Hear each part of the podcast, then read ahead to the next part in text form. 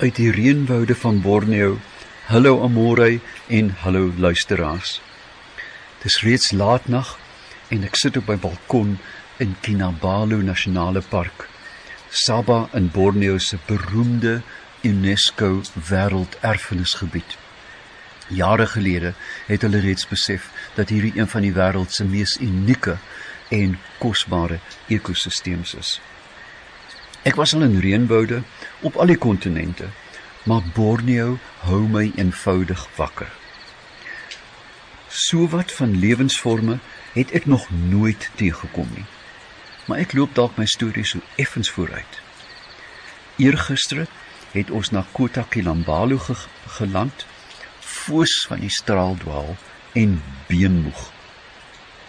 Maar natuurlik soos jy my ken, binne 30 minute was ek al klaar in die mark, want ek glo mos altyd die mark is die hart van 'n stad en ook die hart van 'n kultuur. Op lae ys reënboogvisse uit die koraalriwe. Groente, vrugte, kruie en speserye. Die aanslag op die sinne is absoluut bedwelmend. Ek het nie een van die goed geken nie. Ek moes gedurig vra wat ek voor my sien. Maar natuurlik, dis die trope. Loomwinde, ondraaglike humiditeit en hitte. Dis byna soos om in 'n koorsdroom te beweeg. Alhoewel ek natuurlik opgewonde was, het ek dadelik begin twyfel aan die volhoubaarheid van hierdie oordaat palmolieplantasies net waar jy kyk, houtskoolmakery en besoedeling van die koraalriwe maak hierdie 'n brose paradys. Maar stap jy natuurlik net na die soem van die woud en die biodiversiteit stop jou eenvoudig in jou spore. Insekte, voëls, plante, so uniek soos Madagaskar. Ek het gister gestap en 'n lieweneerbesie gesien so groot soos my duim. Ek was eintlik bang vir die ding en uiteraard amore om bang te wees en verwonderd is een van die redes waarom ek reis. Dit is om my deurlopend te herinner aan die wonder van ons planeet, die kwesbaarheid daarvan en mees belangrik natuurlik om myself te herontdek en te vernuwe. Hoe geseënd kan 'n mens nie wees om daagliks iets nuut te leer nie. Ek probeer elke dag En dit klink nou so soos 'n ou storie uit die huisgenoot. Ek probeer elke dag iets leer.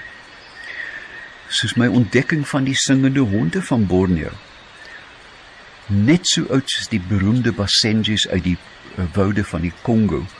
Is hierdie klein, delikate cappuccino kleurige honde. Party van hulle het so 'n wit beffie, wit voetjies en hulle kan nie eintlik blaf nie. Hulle het sulke sing en jodel geluide. Um die stertjie is so effens teruggekrul.